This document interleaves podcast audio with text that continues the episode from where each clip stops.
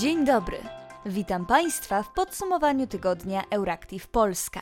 Dzisiaj opowiemy między innymi o najbliższych wyborach do Parlamentu Europejskiego oraz o niewypłacalności USA. Nazywam się Patrycja Gosk. W wirtualnym studiu jest też Bartosz Sieniawski. W Reykjaviku rozpoczął się 16 maja czwarty szczyt głów państw i szefów rządów Rady Europy, poświęcony w dużej mierze wojnie w Ukrainie. Prezydent Wołodymyr Zełański nie pojawił się na nim osobiście. Przemówił jednak do zgromadzonych przywódców państw za pomocą łącza online. W przemówieniu stwierdził, że dzięki pomocy Zachodu Ukrainie udało się we wtorek w nocy zestrzelić wszystkie rakiety wystrzelone przez Rosję, co nazwał historycznym wynikiem. Rosja bardzo stara się poprawić swoją zdolność do zabijania. My staramy się poprawić obronę naszych ludzi. Dziękuję wszystkim krajom i przywódcom, którzy pomagają nam w poprawianiu naszej obrony powietrznej. Wszyscy razem pokazujemy, co znaczy siła wolnego świata, powiedział Zełęński. Głos zabrał również prezydent Andrzej Duda. W swoim wystąpieniu zwrócił uwagę na wartości takie jak wolność, życie ludzkie czy demokracja, których ochrona była głównym celem powstania Rady Europy. Te wartości jednoczą nas i stanowią podstawę naszej wyjątkowej społeczności. Jesteśmy wspólnotą wartości i naszym obowiązkiem jest ich bronić, stwierdził. Wojnę w Ukrainie Duda nazwał największym atakiem na wartości demokratyczne od czasu upadku reżimów totalitarnych. Premier Wielkiej Brytanii Rishi Sunak zwrócił uwagę, że zagrożenie płynie nie tylko z Rosji, ale również z Chin. Z Rosją prowadzącą wojnę agresywną na europejskiej ziemi i Chinami rosnącymi w asertywności, świat staje się coraz bardziej rywalizujący i niestabilny. Demokracje takie jak nasze muszą budować odporność, abyśmy mogli współpracować i konkurować z tymi, którzy napędzają niestabilność, stwierdził. Kanclerz Niemiec Olaf Scholz również wyraził poparcie dla Ukrainy. Zwrócił jednak uwagę, że Europa powinna utrzymywać stosunki z prodemokratycznymi przedstawicielami społeczeństw rosyjskiego i białoruskiego. W pewnym momencie wojna Rosji z Ukrainą się skończy.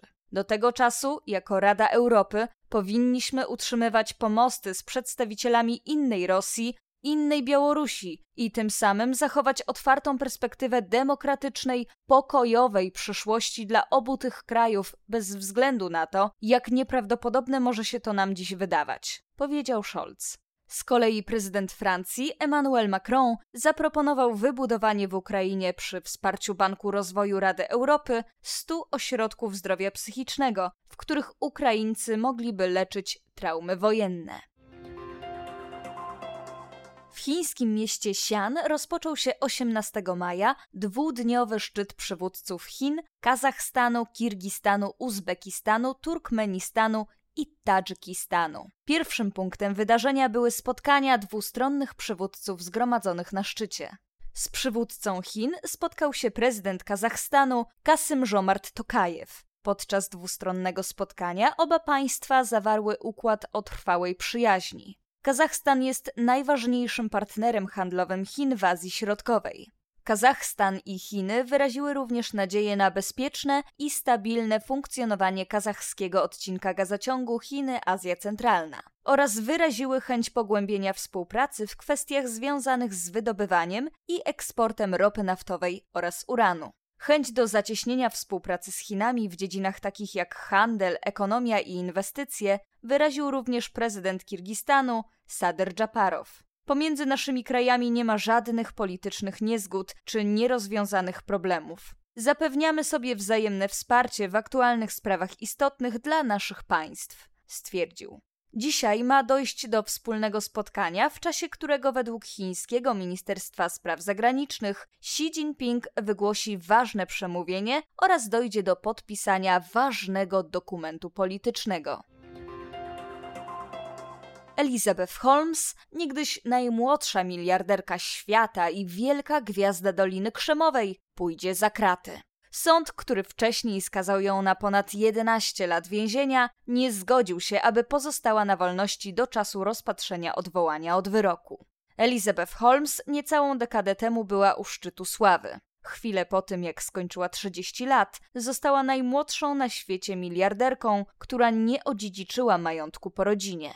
Wszystko za sprawą jej rozwijanego od 2003 roku startupu Theranos, który miał zrewolucjonizować badania krwi. Holmes opracowała bowiem opartą o nowoczesne rozwiązania informatyczne maszynę, która dzięki zaledwie jednej kropli krwi miała przeprowadzać z ogromną dokładnością ponad 200 różnych badań krwi, do których normalnie trzeba by ją pobierać po kilka razy strzykawkami. Holmes nie tylko fałszowała informacje o postępach w pracach nad swoim urządzeniem, ale wręcz korzystała z urządzeń innych producentów.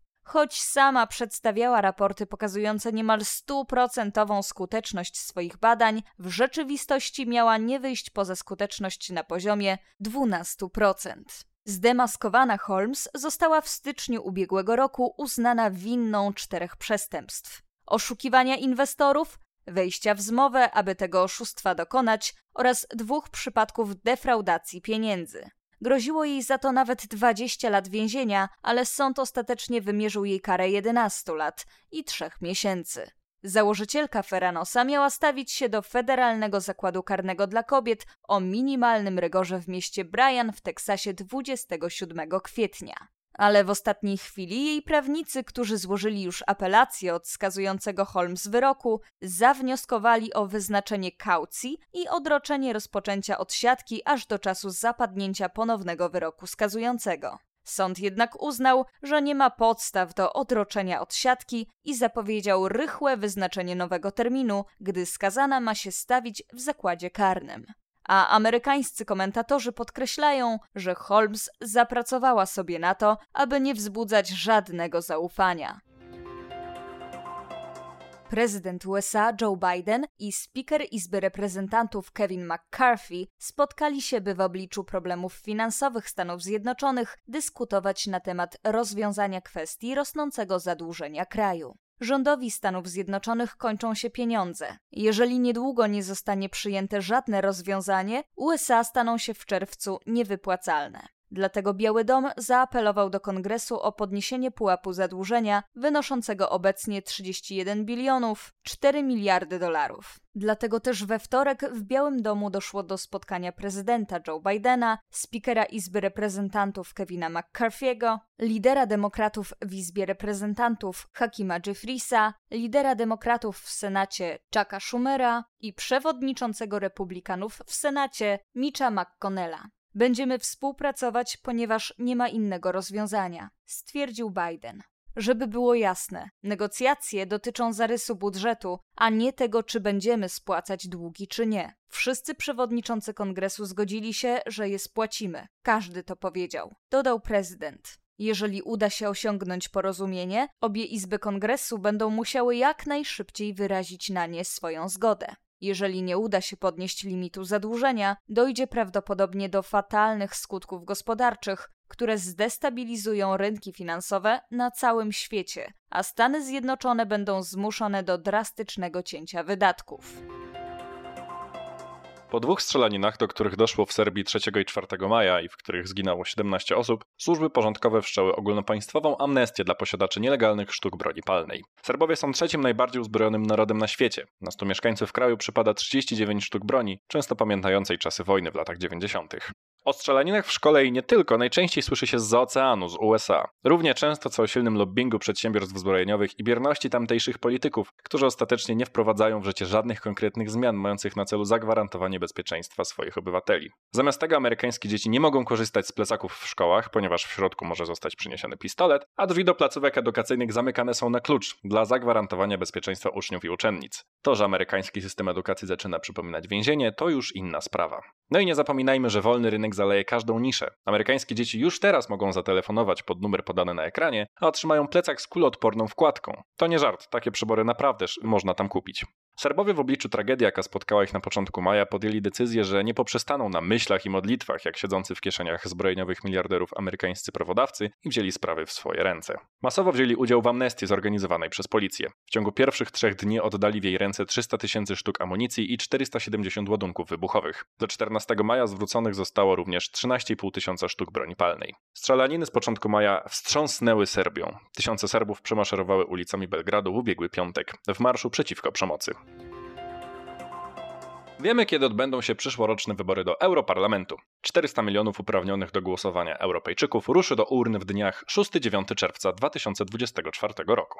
Decyzję podjęło grono ambasadorów krajów członkowskich Unii. Musi zostać jeszcze zatwierdzona przez Radę Ministrów Europy. O postanowieniu poinformowała z kolei szwedzka prezydentura w Radzie Unii Europejskiej. Wybory potrwają kilka dni, ponieważ nie wszystkie kraje głosować będą w niedzielę 9 czerwca, jak na przykład Polacy i większość Europejczyków. Przykładowo Holendrzy tradycyjnie głosują w czwartki. I to właśnie w ten dzień tygodnia rozpoczną się wybory do Europarlamentu. W poprzednich wyborach europejskich w 2019 roku udział wzięło 50 i 66% uprawnionych do głosowania Europejczyków. W porównaniu do 2014 roku jest to wzrost frekwencji o ponad 8 punktów procentowych. Kolosalny skok frekwencji widać było w Polsce, gdzie w 2014 roku zagłosowało zaledwie 23% wyborców, a 5 lat później 45%.